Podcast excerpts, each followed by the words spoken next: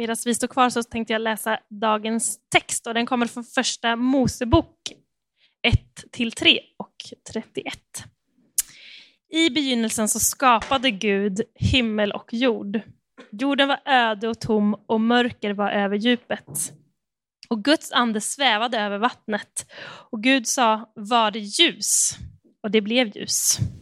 Och Gud såg på allt som han hade gjort och se, det var mycket gott. Det är Guds ord till oss idag. Varsågod och sitt. I begynnelsen, jag vet inte hur du är, men, men eh, jag kommer ihåg sen jag var liten, jag har ju alltid älskat att eh, att skapa saker, att göra saker, att se saker växa fram. Eh, hur många har suttit med byggmodeller hemma? Med så här, man gör flygplan och man klistrar och man limmar, det är typ samma sak, och sen målar man eh, och så, ja, det är en massa saker. Lego. Lego rules. Det är så, alltså det är så bra med lego. Man kan ju göra det mesta med lego. Ehm, och det är ju, det är ändå sådär, alltså få, få se saker växa fram. Um, när man renoverar hemma så, så, är det jobbigaste tycker jag, det är egentligen inte att göra det, det är alla ställtider emellan. Det är att fixa allting och när man står där och man är kittad och klar och man har liksom bältet, eh, ja, man kör med sådär, man, man vill ju känna sig kittad liksom, så man har ett bygg, så bygg, byggkille, bygggubbebälte. Eh, när man står där och så bara inser man, nej, jag har glömt. Jag har glömt de här expanderskruvarna som jag skulle ha och så får man, det, det är sånt, det, det, det är jobbigt. Nej, okej. Okay. Men i alla fall så är det ju ändå så att det är väldigt kul, tycker jag. Eh, och jag tror att, ja, men jag, jag tycker mig höra det ganska mycket. Man tycker att det är väldigt givande när man ser saker växa fram få vara med och skapa saker. Jag eh, har inte gett mig på det än. Jag älskar, verkligen, jag älskar musik. Jag har skrivit någon liten låt själv sådär. Jag ska inte sjunga den kan jag säga. Jag gjorde misstaget att sjunga den för min, min blivande hustru. Det höll på att inte gå vägen. Hon var min blivande hustru, hon är min hustru idag, men, men det höll på att inte riktigt gå vägen. Ehm, hon var väldigt snäll, måste jag erkänna. Ehm, men jag, jag, jag, lever ganska nära, både, både, ja, men jag har folk omkring mig som, som lever med det här med att få skapa musik. Och senast i veckan så jag och Linda var hemma hos ett par vänner som, som höll på just med väldigt mycket musik och det är liksom en, en, en eh, både jobb och, och, och eh, intresse och ja, livet liksom sådär. Och bara kunna konstatera att om inte jag får sätta toner på de här sakerna så, så mår jag dåligt. Jag, jag mår fysiskt dåligt, jag kan bli deprimerad, jag kan, allt möjligt sådär. Då skulle jag varit väldigt deprimerad om jag inte fick skriva, eller om, jag, om, om, om det var så att, att jag blev det om jag inte skrev låtar, för jag har skrivit väldigt få. Men, men, men det är ändå så att vi alla har någonting där vi, där vi gör saker med händerna, med, med, med liksom, ja, vi skapar helt enkelt. Ehm, det tror jag, utan att ehm, tar ta för stora svängar tror jag, eh, ganska tydligt härrör sig till vem som är vår skapare, vem som är eh, vår Gud. Vi läste för två veckor sedan jag kan bara nämna det. Ja, vi är inne i en serie. Det här är del fyra, eh, så vi har haft tre tidigare delar. Eh, men jag ska försöka att väva in, så om du inte har hört dem så ska du förhoppningsvis inte känna eh, liksom ett eh, så loser-känsla, utan, utan vi, vi, vi jobbar tillsammans eh, på den. Sådär. Ehm, men Gud skapade oss till sin avbild, säger Bibeln. Och eh, det finns någonting i oss som vill skapa och jag tror att det är väldigt mycket bra. Det är en väldigt stor skillnad dock på vårt skapande och Guds skapande. Gud skapar ur ingenting. Gud skapar ur ingenting och det blev i begynnelsen skapade Gud himmel och jord. Jorden var öde och tom. Mörker var över djupet, Guds ande svävade över vattnet. Gud sa, var det ljus? Och det blev ljus. Gud såg på allt som han hade gjort och se. Det var mycket gott. Allting börjar här. allting har sitt ursprung i de här, enligt Bibelns sätt att se det, Gud är initiativtagare till allting. Han är initiativtagare till allting som är gott, vill jag säga. Ehm, och han, han, han, han skapar med sitt allsmaktsord, jag pratade om Gud är allsmäktig förra veckan, bara genom sitt ord. Han kan säga ljus så blir det ljus. Han är allsmäktig, han har all makt, himmel och på jorden. Ehm, men det gör ju också att jag tror vi, vi förr eller senare så ställer varje människa den här frågan. Men om Gud har skapat det och han ser att allting är gott, ska det då vara som det är idag? Ska det vara, eh, vi, vi touchade lite eh, på det, det ämnet förra veckan. Jag ska inte djupdyka i just det ämnet, men, men det är ändå så att Bibeln tar upp väldigt tydligt, och jag ska försöka lägga ut texten lite grann, det här med att alltså Guds skapelse är i grund och botten inte bara lite fin, utan Guds godhet eh, och visa på vem, vem Gud är. Eh, Gud skapade jorden och, och han säger liksom, men det här är gott. Och när Gud säger att det är gott, då är det verkligen, eh, det är verkligen bra. Problemet är ju att vi inte ser det idag. Vi eh, kan ha olika teorier och analyser om att ja, det är brist på empati, det är brist på pengar, det är brist på engagemang, det är brist på generositet, sunt förnuft, det är för taskig marknadsekonomi, det är dålig miljö och allt vad vi nu kan säga. Och, och, det ligger mycket i de där sakerna. Men, men Bibeln säger att det, det grundar sig inte i någon av dem specifikt, utan det grundar sig i någonting. Roten är något helt annat. Det är inte marknadsekonomin som är det stora problemet, utan det stora problemet är, och kom sen då, det som Bibeln kallar det vi kallar för fallet, alltså när människan vände sig bort ifrån Gud, Guds frånvändheten. Och i det här då, så vi har Bibeln målar upp Guds berättelse på något sätt. Om man, om man skulle summera ihop den med fyra olika akter så har vi skapelsen och det är där vi är idag. Skapelsen och sen kommer då fallet. Allt ställs på vända och på ända och, och ja, men det som var positivt, det som var fantastiskt, det som var, var, var någonting som Gud kallar för gott, det vänds till någonting som börjar gå sönder. Ehm, så Löfven kanske inte var helt ute och cyklade, han sa att det går sönder. Men det handlar inte kanske om bara att alliansen har tagit sönder, utan det hände lite innan det också. Så att under ganska lång tid har det gått sönder. Och sen, så det, det vi vet då, för 2000 år sedan kom Jesus Kristus, Guds son. Gud tar sin plats i kvarteret där vi bor och tar sin plats och ja, men den här återupprättelsen, frälsningen. Gud börjar ja, den börjar med en väldigt tydlig vändning och han visar svaret för hur vi ska rätta till saker och ting för att sen då, och dit har vi ännu inte kommit, men det är den totala renoveringen, den totala nya världen, återupprättelsen som kommer. Eh, de här fyra bitarna, så skapelsen, fallet, frälsningen och återupprättelsen, de här bitarna måste man ha med sig. Eh, när man tittar på, på helheten och Guds, det är som Guds initiativ börjar med en fantastisk skapelse. Och, och i Bibelns, eh, genom hela Bibeln egentligen, kan man, kan man eh, följa olika eh, kulturella inslag och, och, människor runt omkring som inte tänkte att ja, men, det som Gud har skapat, eller de kanske inte tänkte vara Gud som skapat utan eh, om vi tittar på Nya Testamentets tid så har vi nämnt ett ord tidigare som är gnosticism. Jättekort om gnosticism, kanske någon har läst om det, men, men bara vad är det för någonting? Eh, om lite grundläggande bara, man tänkte så här, ja men skapelsen, materia, det är helt det, det är ju värdelöst. Det, det, det, det är ont i sig. Det gör bara att, att vi, vi tar oss bort ifrån Gud och egentligen så, så eh, ja, men man kan säga så här, vi kan lyfta fram den. Gnosticism, väldigt, väldigt kort då, överandlighet som förkastar kroppen och skapelsen som syndigt och obetydligt. Man söker istället mystiken och, och i andlighet generellt och man överger det naturliga för det övernaturliga.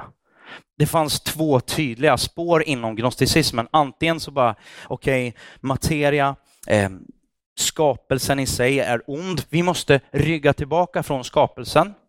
Vi eh, kan inte ha med den att göra, utan vi, vi, vi stänger oss ute och, och, vi avskärmar oss väldigt tydligt från eh, världen och från, från det som är skapat och, och, vi går helst i kloster och vi gör massa saker. Det är det ena. Eh, det andra är ju det totala motsatsen. Världen, kroppen, allting, det är bara fallet i alla fall. Ingenting spelar någon roll, så jag bara hänger mig till förlustelser och, och fullständig, eh, ja, perverterad, perverterade, eh, ja, vad säger man, nöjelser överhuvudtaget. Eh, så de här två olika spåren då. Eh, någonting som har vuxit fram under senaste ja, seklet, Ehm, det som man kallar för pietismen. Ehm, också lite så här tungvrickare, men någonstans Ja, vi kan ta fram det då. Ehm, personlig fromhet som tar sig uttryck i ett fördömande och övergivande av världen ge sig hän till en sträng etik och moral, fokus på hur jag lever. Så man kan säga att pietismen är ju ett av de här två spåren inom gnosticismen. Och där tror jag en hel del kristna har hamnat. En del del som har läst Bibeln och bara så här, ja men vi måste, vi får inte göra det där och vi får inte göra det där och vi måste göra det där. Och så hamnar man helt fel och så börjar den kristna tron handla om vad du ska göra. Eh, det, det, fokuserar väldigt mycket på vad jag är och till slut blir det nästan så att den kristna tron, den bygger och vilar på, på min helgelse eller min duktighet om du, om du väljer det ordet. Ehm, det här med att njuta av saker. Om det är någonting som Galla kallar, om Gud kallar någonting för gott, så är det inga problem att få faktiskt ta del av och på det sättet njuta av. Vi ska prata om det här eh, och komma lite, lite närmare där då, men, men eh, det som händer annars, om vi inte lär oss de här sakerna och förstår, Gud är skaparen, han har skapat en, en jord, han har skapat en massa saker som är helt fantastiskt. Eh, då blir vi världsfrånvända och kyrkan vänder sig då helt enkelt mot världen. Men vi tänker att kyrkan inte är mot världen utan kyrkan är i och kyrkan är med världen. Med samhället, med alla andra. Eh, Martin Luther, den här tyska munken som jag har pratat några gånger om. För han, han, han har ändå bearbetat, eh, bland, bland många andra, men hela reformationen, alltså eh, när, när man ville tillgängliggöra, Martin Luther ville tillgängliggöra Guds budskap, Bibeln, eh, evangelium till det till det då och då tyska folket. Han skriver så här i sin stora katekes. Svaret på det här nu då, Eh, hur, hur eh, ja, egentligen, hur, hur, hur ska vi se på det här? Eh, och hur funkar de här bitarna? Eh, är ni med? Jag läser, det kommer vara lite längre, det är fem stycken. Är ni med? Av det sagda följer nu den slutsatsen av sig själv att medan allt det vi äger och i övrigt allt som finns i himmel och på jord dagligen ges oss av Gud samt uppehålls och bevaras av honom. Så är vi ju skyldiga för detta oupphörligt älska, lova och tacka honom samt tjäna honom med odelat hjärta. Ty vi går alla förbi denna trosartikel, alltså trosartikeln det är trosbekännelsen. Vi hör och säger efter, men ser och betänker inte vad orden verkligen innebär. Ty om vi av hjärtat trodde det skulle vi också handla därefter och inte så stolta gå vår väg, trotsa och brösta oss som om vi genom oss själva ägde liv, rikedom, makt och ära så att man måste frukta och tjäna oss. Så handlar dock den osalige, förvända världen, vilken i sin blindhet sjunkit så djupt att den missbrukar alla Guds gåvor till högfärd, girighet, vällust och goda dagar och inte ägnar Gud en enda tanke för att tacka honom eller erkänna honom som Herre och skapare. Därför borde denna artikel, alltså trosbekännelsen, om vi trodde den, ödmjuka och förskräcka oss alla. Ty vi syndar dagligen med ögon, öron, händer, kropp och själ, med pengar och ägodelar samt med allt vad vi äger. Men allra mest syndar den som ännu kämpar emot Guds ord. För den skull ska vi dagligen öva denna trons artikel, trosbekännelsen. Inprägla den hos oss, påminna oss om den i allt som möter oss och i allt gott som kommer oss till del. Och när vi räddas ur nöd och fara, så som det ju är Gud som ger oss och gör allt sånt, för att vi därigenom ska märka och förstå hans fadliga hjärta och hans väldiga kärlek till oss. Därför borde vårt hjärta värmas, upptändas till tacksamhet, så att vi brukar allt detta goda till Guds ära och pris. Gud har skapat allt. Han är existensens, eh, ja innan allt fanns, då fanns Gud. Han har skapat allt som existerar, det himmelska, det osynliga och det jordiska, det synliga. Eh, och det var inte så här att byggnadsnämnden i universum hörde eh, liksom att, att han är någon slags byggnadsnämnd och så hörde någon makt av sig och sa vi skulle vilja har lite ett entreprenadprojekt här. Vi ska kalla det för jorden. Och eh, Gud sa tick, ja men ni har gjort, ni har uppfyllt alla krav och så, och så var det någon som skapade jorden. Utan det är ju Gud i sin allsmakt. Helt av sig själv. För två veckor sedan så predikade Linda och undervisade om, om treenigheten. Och det här är en viktig bit, därför att Gud, han, en del säger så här, ja men Gud skapade jorden därför att han var lite ensam, han kände sig lite sådär, han var lite ensam helt enkelt det stämmer inte överens med, med Bibeln. Eh, utan i treenigheten, en Gud, eh, tre personer, i treenigheten så, så är det fullständig fullkomlighet vad gäller allting och finns inte behov av någonting. Så hur mycket Gud än älskar dig, vilket han gör, så behöver inte han dig och han behöver inte mig. Ungefär som ett litet nyfött barn. Barnet behöver i allra högsta grad sin mamma och pappa. Men rent fysiskt, känslomässigt, different matter. Men rent fysiskt så behöver du inte barnet. Precis samma typ av, av förhållande eh, är det ju mellan, mellan oss och Gud på det sättet. Eh, och det var av Guds, alltså inneboende. Gud är kärlek, står det. Av Guds kärlek så bara kommer det saker. Han kan inte annat än bara skapa det för att han älskar. Någon sa, det går att älska, eller förlåt, det går att ge utan att älska. Men det går inte att älska utan att ge. Alltså bara det här skapandet. Gud skapade Därför att han älskar och det är bara ett uttryck av hans kärlek. Och Gud sa, det blev ljus och Gud såg att ljuset var gott. Precis som kärleken mellan man och kvinna befolkar jorden.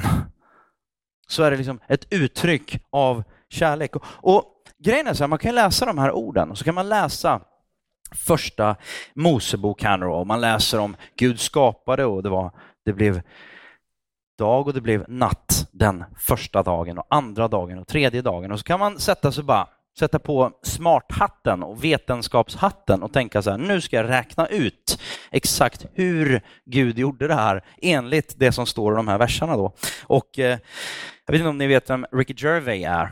Eh, The Office, den brittiska original, eh, ja, eh, The Office helt enkelt. Eh, han gjorde sig oerhört lustig över, över skapelsen och, och en, en, en liten eh, ja, show han hade, eh, eller ganska stor faktiskt. Men i alla fall så, eh, där tänker jag att det är, det är väldigt konstigt att börja angripa och prata om skapelsen och skapelseberättelsen utifrån, utifrån ett perspektiv som det aldrig var ment, menat att, att, att, att man skulle utgå ifrån, så att säga.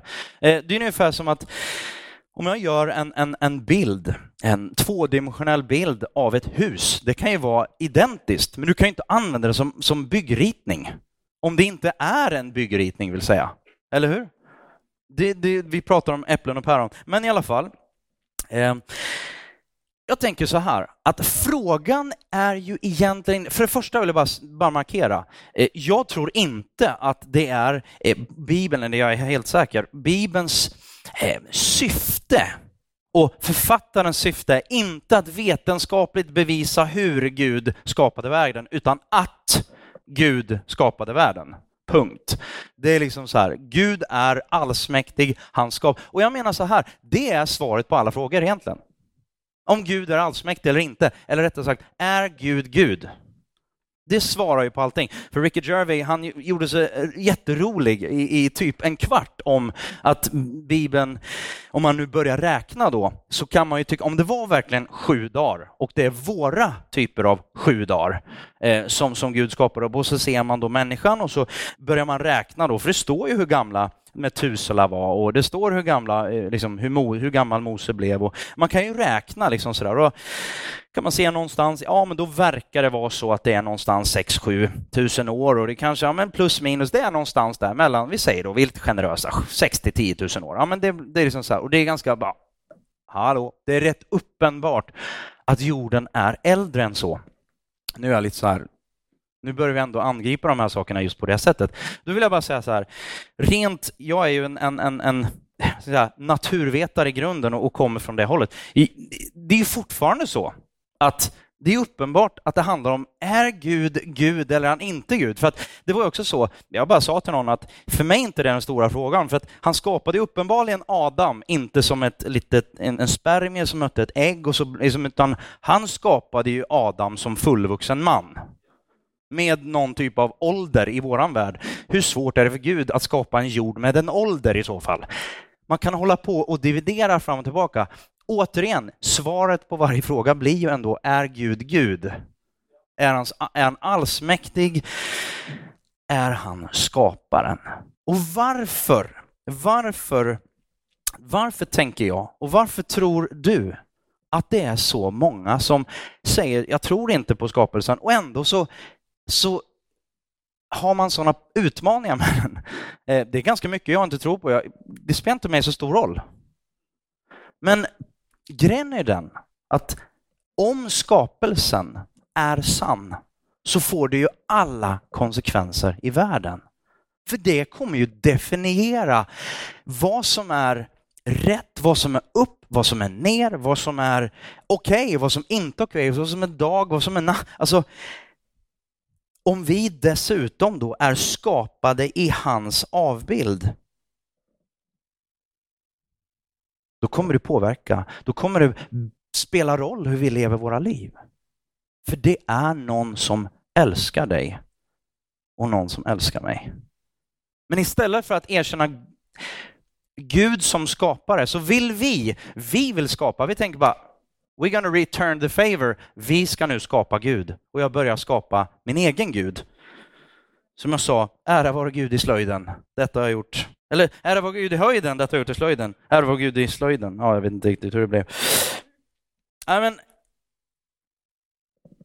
grejen är så här, början, om Gud har skapat världen så kommer det avgöra hur du och jag läser hela, hela Bibeln och förstår Bibelns innehåll om Gud verkligen är Gud eller vad som är rätt och fel. Annars kan man ju, jag skulle kunna provocera lite grann och säga så här, om Gud inte har skapat världen, varför, vad är det som säger att slaveri är fel då?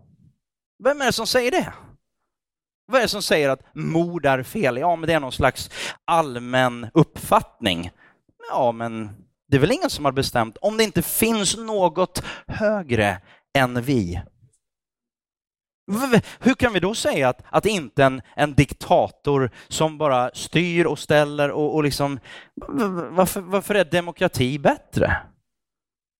Det finns så mycket saker som, som vi tar för givet, men som grundar sig i någonstans, ja men det finns, det spelar roll, det finns någonting större än oss själva. Ehm, man kan helt enkelt inte göra saker utan att det får konsekvenser. Och så tror jag också att det här med, med skapelsen är så viktigt därför att vi blir lika. Vi blir lika det vi tillber. under väldigt många år och, och i många kulturer så tillber man, man tillber, det är djur, det är eh, naturen, det är liksom, eh, ja, det, det, är liksom den, den typen av, av, av tillbedjan och man tillber skapelsen själv. Eh, Romarbrevet, vi kan slå upp det, eh, kommer på skärmen. Romarbrevet 1, 21 och så tar vi verserna 23 och 25 också. Och jag har skrivit så här, inom parentes skrev jag vi-version. Så jag vill bara tydligt säga, de här klamrarna, de har jag skrivit dit, bara så att ni vet det. Jag vill bara att det ska bli lite mer så här, vi, inte dem. Är ni med? Fastän, så jag kommer läsa vi, fast i, i grundtexten står det dem, men jag vill bara jag vill ägga dig lite grann. Fastän vi, eller kanske du, fastän du känner till Gud, eh, prisade vi honom inte som Gud eller tackade honom utan förblindades av våra falska föreställningar så att mörkret sänkte sig över våra oförståndiga hjärtan. Vi bytte ut den odödliga gudens härlighet mot bilder av dödliga djur, av fåglar, fyrfotadjur och kräldjur. Vi bytte ut Guds sanning mot lögnen och tog sig för att dyrka och tjäna oss själva istället för skaparen. Eh, Mose, det han gör eh, i Moseböckerna som författare, han, han slår fast från början, det råder inget tvivel om att det är Gud som är vår källa. Det är Gud som är initiativtagare. Det är inte våra goda idéer, det är inte allt där, utan det är Gud som är, är skaparen. Eh, punkt nummer två. Skapelsen på ett väldigt tydligt sätt pekar på skaparen. Man kan se då utifrån skapelsen. Jag vet inte om du har haft den här upplevelsen. Jag kommer ihåg ett tillfälle, jag var 13 år, jag gick eh, och fjällvandrar med mina föräldrar och eh, man, man går eh, kulle upp och kulle ner och kulle upp och kulle ner och så man bara ser de här otroligt stora bergen och man känner sig väldigt liten med i allt det där. Och eh, som, som, jag bara kommer ihåg att jag uppfylldes av den här, jag kommer faktiskt ihåg, man förnimmer den här känslan av bara, men vad liten jag är och vad stort det här är. Det här, det här, det bara, det måste finnas det måste finnas en Gud. Jag inser att alla inte har den upplevelsen och jag är helt okej okay med det, men, men jag hade den upplevelsen. Ehm, och när man står inför berg eller något otroligt vackert, i min värld så bara, det gör någonting med en. Eller när man får se miraklet, det är en mamma som liksom, och en pappa som, som får barn och, och, man bara inser det här är för bra. Det här är för stort. Det här är, det här är amazing. Det här är någonting av Gud, ett mirakel. Då tänker jag att det måste finnas någonting som är större i skapelsen och skapelsen vittnar om att det finns en skapare. Eh, Romarbrevet, eh, det man kan veta, Romarbrevet 1, 19-20, det man kan veta om Gud är uppenbart bland dem eller oss. Gud har ju uppenbarat det för oss. Ända från världens skapelse ses och uppfattas hans osynliga egenskaper, hans eviga makt och gudomliga natur genom de verk som han har skapat. Vi har njutit av syret. Jag vet inte hur många av oss som njuter av syret, men vi andas i alla fall och vi lever. Ehm, jag kan säga att jag har njutit och jag njuter av vatten. Vatten Vatten är helt fantastiskt. Det går att dricka, det går att surfa på, det går att åka skidor på, det går att åka vattenskidor, du kan dyka, du kan... det är helt, vilket... Ja, förlåt, men, men jag tycker att det är, det är ganska fantastiskt i alla fall. Och eh, någonstans så handlar det om att bara säga okej, okay, det här vittnar om en Gud som, som har skapat allt det här därför att, han, därför att han älskar. Och när vi förstår att Gud är skaparen, då kan vi också börja, nej men de här stora frågorna kanske inte riktigt blir lika stora. För mig så är inte de största frågorna i världen, hur kunde Gud skapa jorden på sju dagar? Utan för mig så är kanske de största frågorna, hur ska jag kunna och varför hur ska jag kunna älska de som står mig närmast ännu mer? Och varför gör jag det så lite som jag gör stundtals? Det är stora frågor. Hur, hur, hur ska jag kunna göra det jag tror på, omsätta det i handling mot dem faktiskt som står mig absolut närmast? Om man tar det ändå längre, mot dem som inte står mig nära. Och Jesus säger, välsigna de som förföljer dig. Då börjar vi snacka, mm, där har vi svåra frågor. Hur ska jag göra det? Ehm, vi skapar ju enorma ting, men vi skapar av det som redan existerar. Av det som redan Gud har, har skapat. Ehm, skapelsen är god och ska inte föraktas utan förvaltas. Punkt nummer tre. Första Mosebok 1.31 där vi läste, Gud såg på allt som han hade sagt och se, det var mycket gott. Ni kommer ihåg gnosticismen som ville säga, nej men det är eh, skapelsen, naturen, eh, kroppen, allting, det, det, är negativt. Det är dåligt, det är syndigt, det, det är smutsigt. Eh, men Gud säger, det är, det är gott. Och i flera av, av psalmerna, jag ska inte gå in jättemycket, men vi ska ta några stycken, eh, från, som, några verser från psalm 104.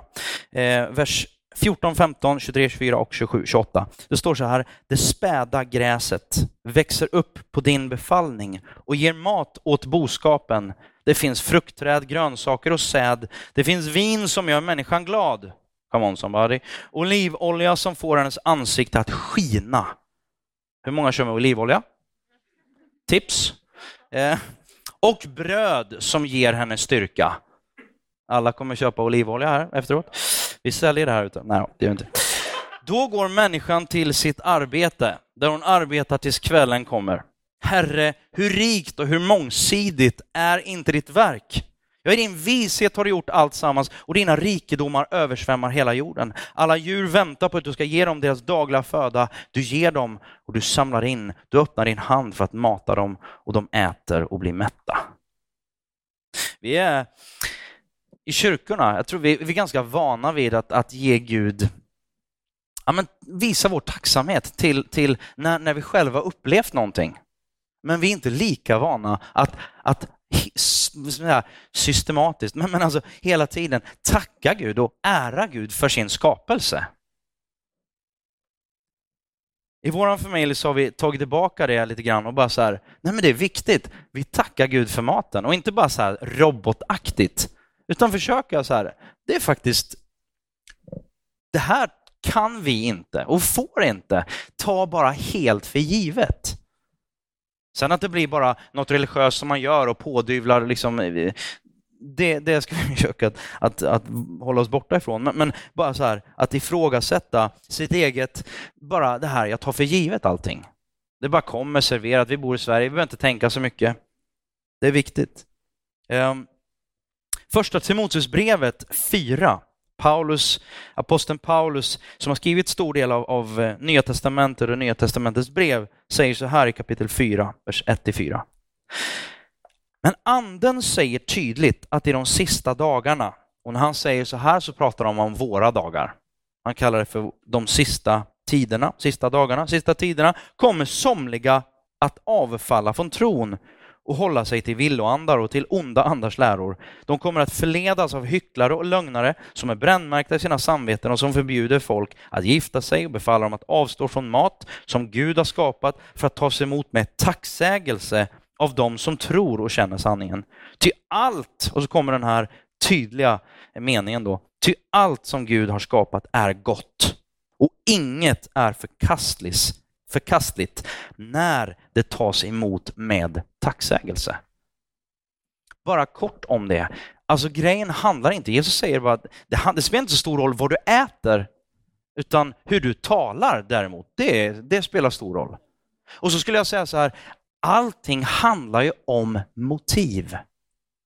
Varför gör jag saker och ting? Och det står ju här då, eh, ty allt som har Gud har skapat det gott och inget förkastligt när. Eller om det tas emot med tacksägelse. Om jag gör saker för att vara dum, eller jag, menar, då, då är det klart att det blir, det blir, ja, det blir dåligt. Gud har skapat allting. Det innebär att Gud är intresserad av allt. Han är intresserad av allt i livet. Kroppen, familjen, sexualiteten, kulturen, politiken, arbetet. Om vi tar det här, inte längre utan bara vi, vi, vi stannar där och så tittar vi på konsekvenserna av det, så är ju det helt enkelt så, om vi tar Romarbrevet 12.1 bara för att beskriva då vad han, vad han gör med det här, Paulus. Och så skriver han så här, nu ber jag er, kära bröder, att ni på grund av Guds godhet gläder honom genom att ge er själva som ett levande och heligt offer till honom. Att vi tar det vi har fått och bara vi, vi tar emot det med glädje. Om jag ger någonting till mina barn, en, en, en leksak eller någonting, så är det ju, det är ju fantastiskt att få se när de ja, men, glada, inte bara för att de får en present, utan faktiskt använder den och börjar bygga på den här legobilen eller vad det är för någonting. Och man bara ser, de lär sig saker och de, de det är klart det hade gått snabbare om jag hade byggt den själv kanske. Men att få se glädjen i deras ögon och utvecklingen och, och, och hela den biten. Och vi har pratat tidigare om någonting här i United och pratat tidigare om det här med att, att gå från ett segmenterat och indelat liv där vi delar in saker och ting. Ja, men här har vi, här har vi kyrka först och främst och här har jag familj, här har vi jobbet och här har jag min hobby. Kyrkan är bara en, det är bara en del, eh, det är som sitter ett litet fack där borta. Och livet med Gud blir liksom, ja, men jag, när jag har lite tid över, då, då, då, då ska jag syssla med, med, med Gud-biten. Sådär Men Gud säger så här, men, men hallå, jag har skapat livet. Jag har skapat familjen, jag har skapat, jag vill vara med överallt. Jag kallar det för ett integrerat liv, ett holistiskt liv, där, där, där Gud inte bara vill vara en del, liten del av, av våran, ja men Gud är våran hobby. Gud är skaparen. Abraham Kuyper sa så här, eh, No single piece of our mental world is to be sealed off from the, uh, from the rest and there is not a square inch in the whole domain of human ex existence over which Christ, who is sovereign over all, does not cry mine. Allting i skapelsen är hans. Jag ska avsluta eh, med en sista punkt. Gud skapar fortfarande. Eh, det kulturella mandatet är det någon som har myntat ett uttryck. The cultural mandate kanske någon har hört. Eh, men nu tar du första Mosebok. Jorden var öde och tom. Mörkret var över djupet och Guds ande svävade över vattnet. Gud sa var det ljus och det blev ljus. Eh, han säger också det i första Mosebok 1 och, och, och, så lite senare då 26 och 28. Låt oss göra människor till vår avbild, till att vara lika oss. De ska råda över fiskarna i havet, över fåglarna, under himlen, över boskapsdjuren, över hela jorden, över alla kräldjur som rör sig på jorden. Gud skapade människan till sin avbild, till Guds avbild skapade han henne, till man och kvinna skapade han dem. Och så kommer det här då igen. Gud välsignade dem och sa, var fruktsamma och föröka er uppfyll jorden. Lägg den under er och råd över fiskarna i havet, över fåglarna under himlen och alla djur som rör sig på jorden. Guds ord är per definition skapande. Han är skapande fortfarande. Det var inte bara något som hände då, utan han är fortfarande skaparen. Och vi tänker ofta så att ja, men om Gud säger någonting, så, så ja, men, eh, då har han sagt någonting och så ska jag bestämma för om jag ska, eh, om jag ska tro på det eller inte. Men om man tittar på, på, på Bibeln så säger Guds ord att ja, men när Guds ord och evangelium predikas, då får vi tro. Det är något som, alltså Gud skapar hela tiden. Gud talar ljus in i mörker, hopp in i hopplöshet. För det är så. Skapelsen var fantastisk, den var god, det var någonting gott. Men mörkret kom. Vi vände oss bort ifrån Gud, mörkret kom och nu, nu står det, det står flera gånger i, i, i Nya Testamentet, Gud gör jag ser, jag gör någonting nytt. Jag skapar igen. Ehm, I andra Korintierbrevet säger samme Paulus då, i 5 och 17. Alltså, om någon är i Kristus, alltså om man är troende och tror att Jesus Kristus är Guds son, då är han en ny skapelse. Det gamla är förbi, se, det nya har kommit. Om man tar det här, det som, som står i första Mosebok 1 och 28, var fruktsamma och förökar, uppfyll jorden. Det är liksom en befallning men också en, en otrolig uppmuntran. Det är ju en, vilket otroligt ansvar. Jag kan känna det och kan tänka det många gånger. Gud, hur tänkte du nu? När du ger oss det här enorma ansvaret. Vi har bestämt oss för att, vi tror att, jag är så naiv så jag tror att Gud har initierat det, men, men att vi startar en ny, ny kyrka. Nu är jag väldigt glad för, ja vi har funnits offentligt eh, då i ett år och tio månader snart. Eh, jag är glad att vi går igenom trosbekännelsen. För vi är unga, men trosbekännelsen, den är gammal. Den har stått ett tag. Men hur, hur kan man göra det? Och jag tänker så här, Gud, du säger att du är du är huvudet för församlingen, står det. det du, du säger att du bygger din kyrka.